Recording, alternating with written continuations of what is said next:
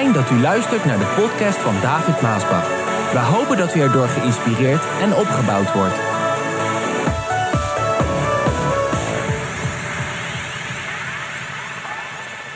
Word een pro in het weten wat je moet negeren. En ik lees uit de Bijbel uit Spreuken 20, vers 3. Daar staat: Het is een eer voor een man, vooral een man, maar ook een vrouw, als hij, als zij ruzies vermijdt. Ik hoor niemand amen zeggen. Maar dit is een hele belangrijke tekst. Het is een eer voor jou als jij ruzies vermijdt, want alleen een dwaas mengt zich in geschillen. ja. Een van de dingen die ik heel jong, ben al aardig, ik denk dat we 30, nee, 2023 zijn we 30 jaar geleden ingezegend en leiden we het werk, eh, Regina. Maar een van de dingen die ik al heel jong heb mogen leren is om niet te proberen te winnen van mijn critici.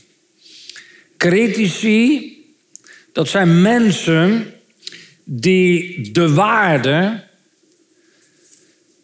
en de betekenis en de kwaliteit van mijn prestaties beoordelen. Dat zijn critici. Ze kijken naar jou. En ze kijken wat je doet, hoe je het doet. En daar geven zij hun oordeel aan. Dat zijn critici. En persoonlijk ken ik ze niet. Ik heb ze heel veel. Heel veel. Maar persoonlijk ken ik ze niet. En dat wil ik graag zo houden. Critici, die kunnen mij nooit van mijn roeping afhouden. En wat ze allemaal zeggen en schrijven, en in het verleden ook gedaan hebben, en laat ik u vertellen, dat is heel veel. Maar wat zij ook zeggen en schrijven, dat zegt helemaal niks over wie ik echt ben. Hoor je dit? En dat geldt ook voor jou. Dat geldt ook voor u, voor de ouderen. Onthoud altijd wat jouw critici ook over jou zeggen, zegt niks over wie jij echt bent. Jij bent een koninklijk kind. jij bent een koninklijk kind. De schepper heeft zijn levensadem in jou geblazen. Waardoor jij een levende ziel bent geworden.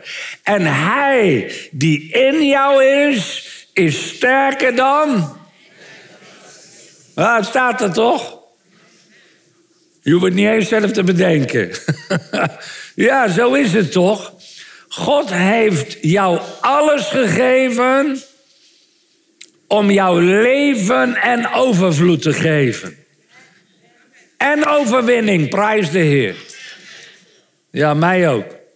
Verdoe dus niet jouw tijd en je energie, en ik wil zelfs zeggen je geld, om het tegen jouw critici op te nemen. degene die jouw prestaties beoordelen en hun oordeel geven, wat, wat niet leuk is, vaak niet leuk is en niet waar is, et cetera. Maar voldoen niet jouw tijd om het tegen hun op te nemen om zo jou gelijk te halen. Dat is niet de manier. Accepteer het feit dat sommige mensen het nooit met jou eens zullen zijn. Dat is een feit wat je gewoon moet accepteren. En nooit jouw gaven en nooit jouw talenten zullen uh, waarderen. Nooit. Laat ze denken. Laat ze schrijven. Laat ze praten. Laat ze e-mailen. Laat ze Facebooken, Twitteren, appen. Wat kan je allemaal? tegenwoordig. Laat ze, laat ze gaan. Maar ga vooral zelf nooit erop in. Met andere woorden, Google nooit je eigen naam.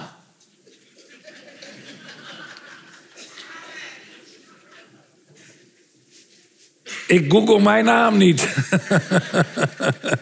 Als ik mijn naam google, dan zoek ik, al, dan zoek ik de hele bak met.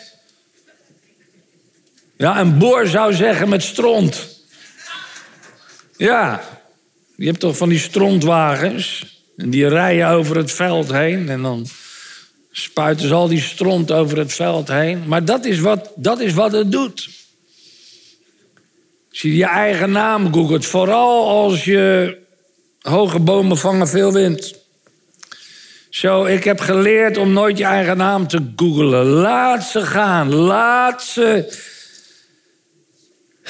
Laat ze jouw tijd niet in beslag nemen. Jouw denken, jouw leven, je gezinsleven, je huwelijk. Laat je er ook niet door afleiden. Want God heeft echt genoeg mensen die jou willen bemoedigen. Die jou willen helpen om jouw doel te bereiken. Als je in het leven een winnaar wil zijn, dan moet je dus weten wat je moet negeren. Dit is iets wat je moet weten, vandaar dat ik de boodschap breng.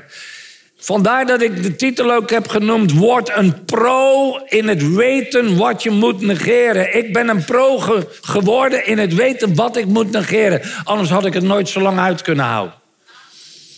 En laat staan zo gelukkig als ik ben. Met alles wat er geschreven en gezegd is over mij. Papa was precies hetzelfde. Je moet goed opletten aan welke mensen jij jouw tijd en jouw energie geeft.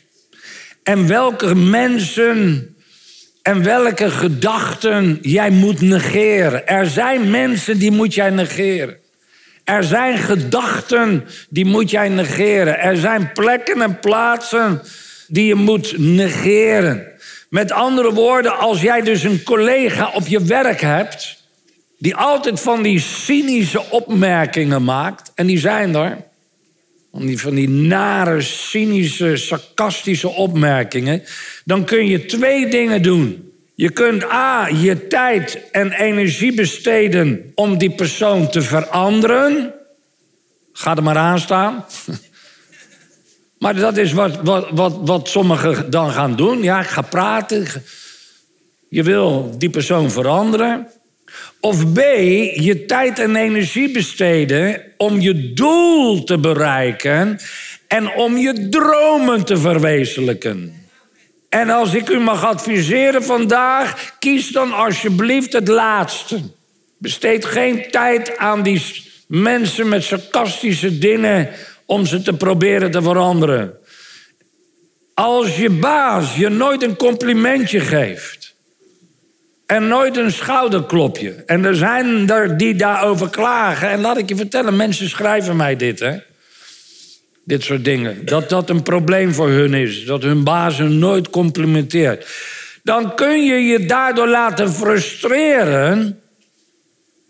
Of je kan het negeren en zeggen: wat maakt het mij uit? Ik heb Gods zegen over mijn leven. Wat maakt het uit? Of mijn baas mij complimenteert of niet. Ik heb iets veel beters, iets veel groters. Ik heb de zegen des Heren over mijn leven. Lieve mensen, je zal veel gelukkiger leven als je weet wat je moet negeren. Als je een pro wordt in het weten wat je moet negeren. Luister even wat er staat in Marcus 3, vers 1. Op een zekere of op een andere sabbat kwam Jezus weer in de synagoge. Er zat een man met een verschrompelde hand. De fariseeën die hielden hem goed in het oog om te zien of hij de man zou genezen. dan zouden ze een aanklacht tegen hem kunnen indienen. Jezus riep de man naar voren. Mag men op een sabbat iemand helpen? vroeg hij aan de Fariseeën. Of moet je hem in de kou laten staan? Is het een dag om de mensen te redden of een dag om de mensen te doden? Maar ze zeiden niks. Jezus keek boos om zich heen, omdat zij zo hard en onverschillig waren en het deed hem pijn. Tegen de ongelukkige man zei hij: Strek je hand uit. En de man die deed het en zijn hand werd op slag weer gezond. De fariseeën liepen meteen de synagoge uit en gingen naar de leden van de partij van Herodes om met hen te overleggen hoe zij Jezus uit de weg konden ruimen. Jezus was in de tempel op de Sabbat. Jezus zag een man met een verschrompelde hand. Jezus zei: strek je hand uit. En Jezus genas de man. De kerkleiders die mochten Jezus niet, want zij waren zijn critici. En hij had heel wat van die nare, sarcastische, cynische, ongelovige critici. Die aardig waren in zijn gezicht, maar hem achter de rug om haten. En altijd kwaad over hem spraken. En Jezus had er heel veel. En zij zeiden, nou Jezus heeft weer eens wat goed gedaan hoor. Hij heeft die man genezen, maar het is wel zaterdag hè. Hallo. Het is wel zaterdag. Zie je, lieve mensen, er zullen altijd wel mensen zijn die kritiek zullen hebben op wat jij doet. Onthoud dat. Zelfs al zou je jezelf veranderen. En je zou alles doen zoals zij dat willen. Dan nog zul je het verkeerd doen in hun ogen. Onthoud dit wat ik je zeg. Ik, het is echt zo. Je kan een prachtige fiets voor ze kopen. En met blijdschap, met vreugde, presenteer je dat aan hen en geef je. Je mag het echt hebben. Het is een cadeau van mij aan jou. En dan krijg je nog zo'n scheef gezicht. Nou, ik had eigenlijk een vierkante lamp willen hebben. In plaats van een ronde lamp. Echt waar. Dit is echt waar. Zal ik je eens een geheimpje vertellen, lieve mensen? Doe jezelf een plezier en negeer die kritische geesten. Dit soort geesten. Je hebt ze in je leven helemaal niet nodig. Je hebt ze niet nodig. Hoe meer ze je bekritiseren, hoe meer God jou zal zegenen. Ik noem kritiek ook een andere vorm van bewondering. Bewondering. Jouw buurman bewondert jou als je met je gloednieuwe wagen voor de deur komt te staan. Dan bewondert hij helemaal dat die week daarna staat de caravan erachter. Gloednieuwe caravan, bewondering. Lieve mensen, laat je toch niet meezuigen in dat gekakel van die critici. Je behoort te zijn als een arend.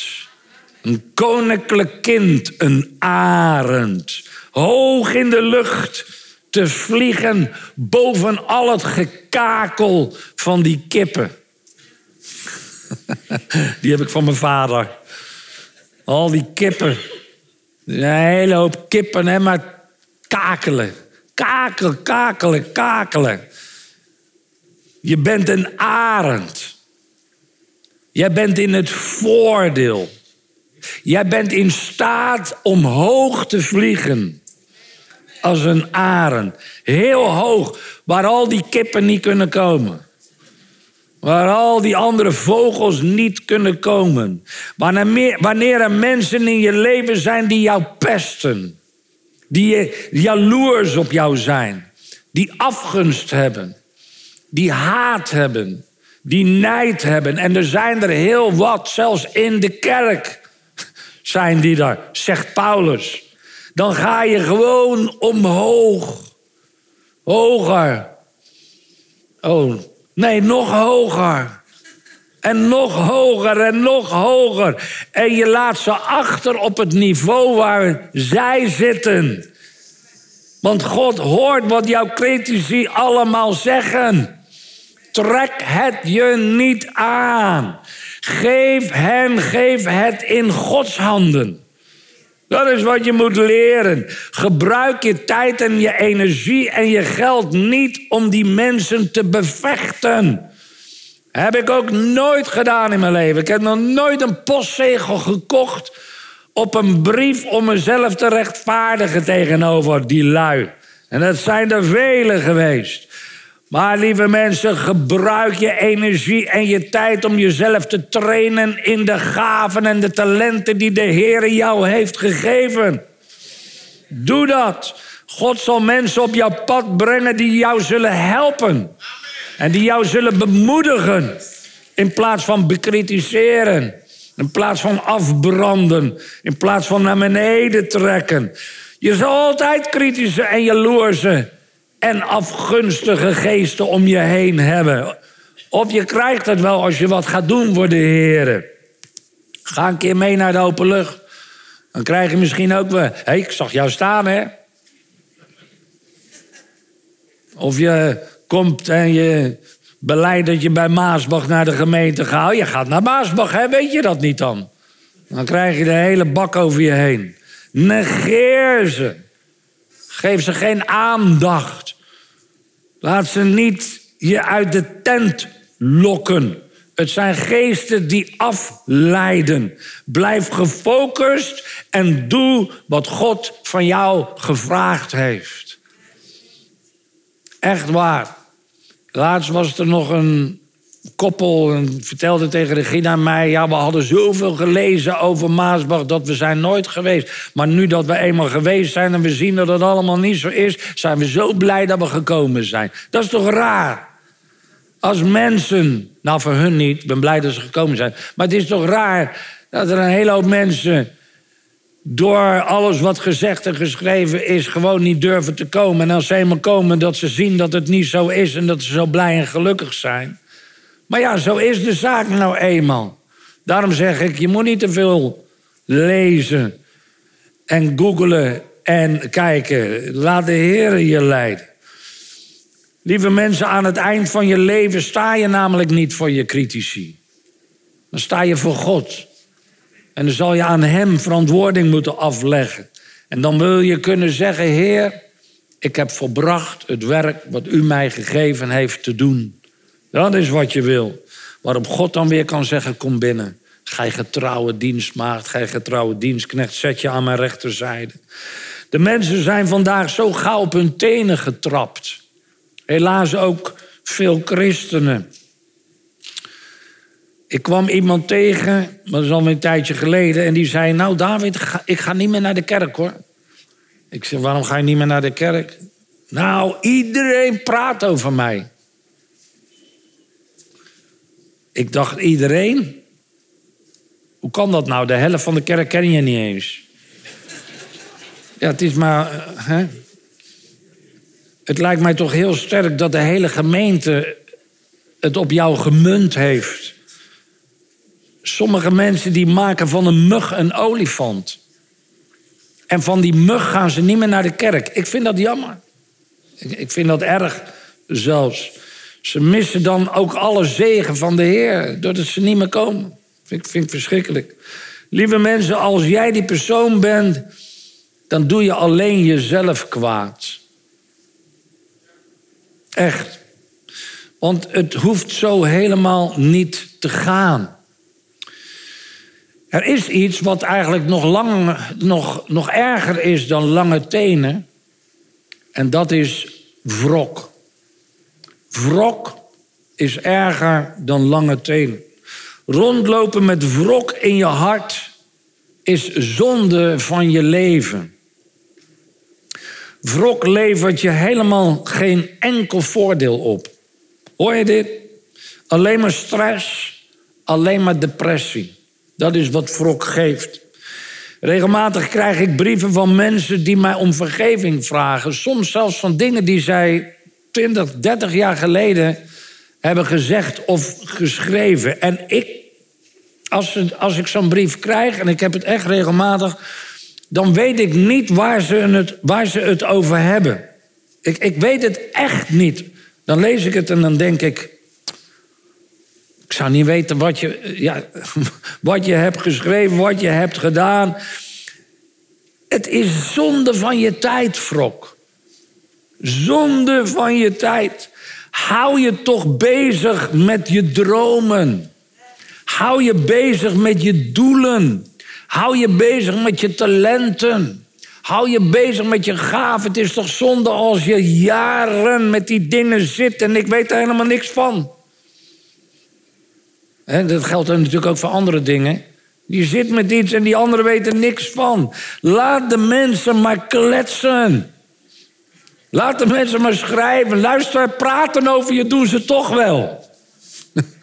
Laat ze maar kletsen. Toen ik 30 jaar geleden, nou bijna 30 jaar, het werk van papa Johan Maasbach overnam, stond ook niet iedereen te trappelen van blijdschap.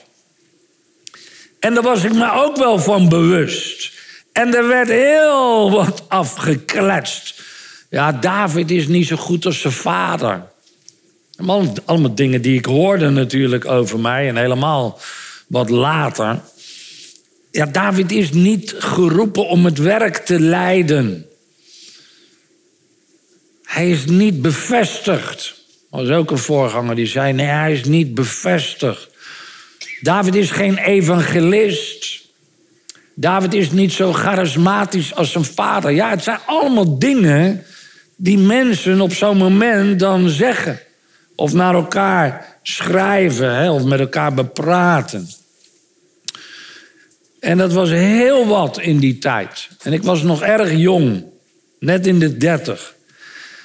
Maar die mensen die hielden gewoon niet van de manier waarop ik de boodschap bracht. Ze waren papa gewend al die jaren. En ze hielden natuurlijk niet van de manier waarop ik de boodschap bracht. Ik paste eigenlijk niet in hun mal die zij hadden. En ik zou vertellen, vroeger was het nog wel nog erger dan vandaag, vind ik.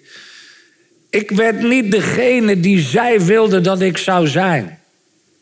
Of zou moeten zijn. Maar ik was ik.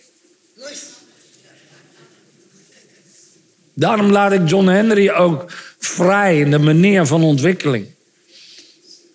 Ik was ik. En ik wilde niet mijn vader naapen wat hij deed. Want dan zou ik mijn identiteit en mijn uniekheid en mijn zalving zou ik verliezen als ik zou doen wat hij deed. Om hem na te doen. Ik heb mij niet bezig gehouden met al die kritiek. En kritiek is helemaal vervelend als het van je naaste komt. Ja, maar David, we hebben ook opbouwende kritiek. Nou, ik noem het, geen, ik noem het geen kritiek. Opbouwende kritiek bestaat niet. Je kan met elkaar praten over dingen die anders zouden moeten. Dat gaat heel anders dan kritiek hebben. En, en helemaal in de lijn van deze boodschap. Maar ik heb me daar niet mee bezig gehouden. Ik heb me bezig gehouden met mijn, met mijn roeping.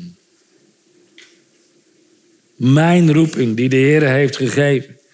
En die heb ik gevolgd. En ik heb mijn critici genegeerd. En nee, zij vierden geen feest met mij. En nee, ze waren niet blij met mij. En lieve mensen, dat heb ik gewoon geaccepteerd. Dat is het hele punt. Ik heb het geaccepteerd. Dat het zo was. En ik heb er geen aandacht aan gegeven. Ik ben altijd voorwaarts gegaan met degene die de Heer aan mijn zijde heeft gegeven. Dat is wat ik gedaan heb. En dat is de sleutel voor blijvend succes. En daarom zeg ik, lieve mensen, verdoe je tijd niet om te proberen om alle mensen aan jouw kant te krijgen. Dat is tijd verdoen. Het is zonde van je tijd, zonde van je energie, zonde van je geld. Hou je bezig met de mensen die van jou houden. Hou je bezig met de mensen die jou bemoedigen. Hou je bezig met de mensen die jou willen helpen. En accepteer het feit dat je niet alle mensen gelukkig kunt maken. Word een pro in het weten wat je moet negeren. Zip your lips. Geef ze in Gods hand. Draai de zaken om. En zeg: Als jij mijn vriend niet wil zijn, dan is het heel jammer voor jou. Draai het om. We leven in een vrij land wat dat betreft. En dan moet je het zelf maar weten. Als jij mijn vriend of mijn vriendin niet wil zijn. Maar je weet niet wat je mist. Je weet niet wat je mist. En toen Nehemia de muur aan het herbouwen was, had hij heel veel critici. En daar had hij heel veel last van. En ze maakten heel veel lawaai. En ze beschuldigden hem van alles en nog wat. Lees het boek. Gewoon een paar hoofdstukken is het maar van Nehemia. Maar Nehemia negeerde ze. Hij liet ze gaar koken in hun eigen sop. Dat is wat hij deed. En het enige wat hij telkens zei was: Sorry, ik heb geen tijd, want ik ben bezig met een groot werk. En lieve mensen, als je iets voor de Heer tot stand wil brengen, of zelfs soms ook moet brengen, dan zul je altijd te maken krijgen met critici. Mensen die je vals beschuldigen, ontmoedigen, bekritiseren, bedreigen, door het slijk halen, kwaad over je spreken je naam bezoedelen. En alles wat zij willen is jou trekken in hun, ja, hun, hun strijd. Die zich binnenin hun afspeelt. Hun strijd willen ze je trekken. En die strijd heeft geen enkele zin. Zonder tijd, geen enkele zin. Het levert je alleen maar hoofdpijn op. Het levert je alleen maar slapeloze nachten op als je je daarmee gaat bezighouden. Negeer ze. En geef ze in de handen van God. Besteed je tijd en energie aan jouw talenten. Aan jouw van God gegeven gaven. Aan jouw van God gegeven dromen. En aan de mensen die van jou houden. En die jou lief hebben. En ervaart het feit dat niet iedereen van jou houdt. Dat is moeilijk hoor, misschien ooit voor het eerst. Maar je moet het aanvaarden dat gewoon niet iedereen van jou houdt. En, oké, dat is oké verder. Dat is goed, dat laat je zo. Ga voorwaarts. Op de weg die de Heer wil dat je zal gaan. Jij hebt geen tijd om elke keer van die muur af te komen om je bezig te houden met die critici, die mensen die naar jou, ze doen zelf geen bal, maar naar jou kijken, die bezig is om dingen tot, stand te brengen. Met al je fouten en al je tekortkomingen. Je hebt geen tijd om hun te overtuigen. Je overtuigt ze toch niet.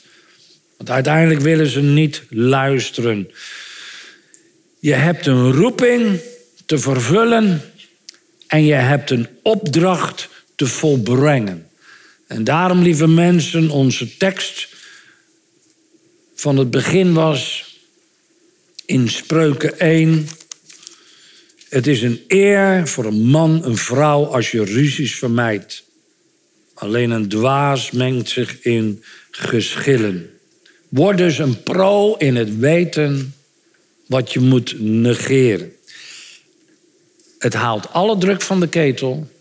En je zal zien, als je luistert naar deze boodschap en je doet het ook, zal het jouw leven, je huwelijk, je gezin alleen maar veel gelukkiger maken. Amen.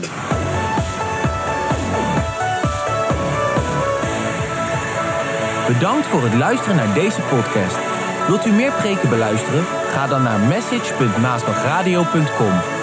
Bezoek ook eens onze website www.maasbach.nl